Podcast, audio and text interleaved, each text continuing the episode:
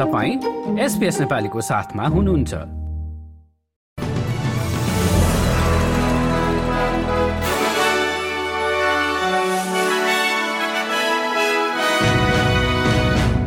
नमस्कार आज मंगलबार उन्नाइस डिसेम्बर दुई हजार तेइस। अब पालो भएको छ एसपीएस नेपालीमा आजका प्रमुख अस्ट्रेलियन समाचारहरू सुन्ने। प्रसंग शुरू गरौं क्वीन्सल्याण्डको बाढ़ीबाट। क्विसल्याण्डको वजल वजलमा लगातार भारी वर्षाको कारण बाढ़ी आएपछि बासिन्दाहरूलाई कुकटाउनमा सारिने भएको छ। उक्त क्षेत्रमा बाढ़ीका कारण खाद्यान्न र पानीको संकट देखिएको छ।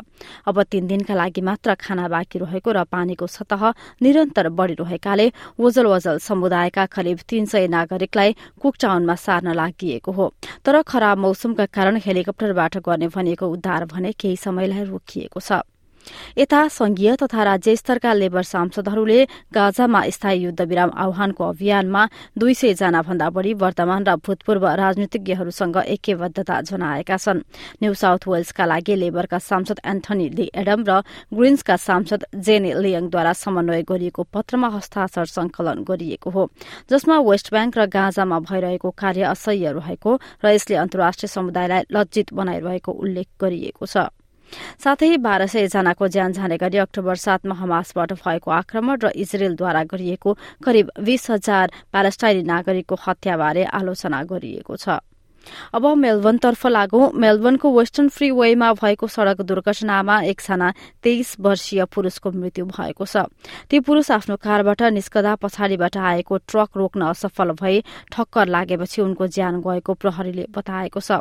प्रहरीले प्रत्यक्षदर्शीलाई बयान दिन आग्रह गरेको छ भने हालसम्म कसैलाई पक्राउ गरिएको छैन। भिक्टोरियामा यस वर्ष सड़क दुर्घटनामा मृत्यु हुनेको संख्या सन् दुई हजार आठ यताकै सबैभन्दा धेरै भएको तथ्याङ्कले देखाएको भएको छ। अब अन्तर्राष्ट्रिय समाचारमा चीनको गन्सु किङहाई क्षेत्रमा गएको छ दशमलव दुई म्याग्नेच्युडको भूकम्पमा परि सयजना भन्दा बढ़ीको मृत्यु भएको छ। यो समाचार तयार पार्दासम्म एक सय एघार जनाको मृत्यु भएको र कम्तीमा दुई सय तीसजना घाइते भएका छन्। उच्च पहाड़ी क्षेत्रमा रहेको गन्सु किङहाईमा थप क्षति हुन नदिन उद्धार र राहत कार्य भइरहेको अधिकारीहरूको भनाइ छ।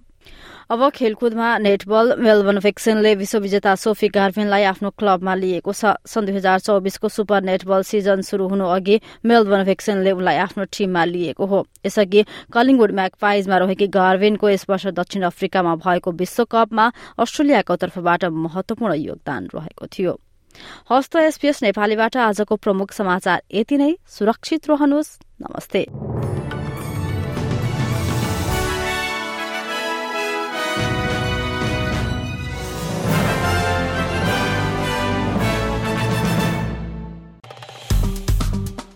लाइक सेयर र कमेन्ट गर्नुहोस्। एसपिएस नेपालीलाई फेसबुकमा साथ दिनुहोस्।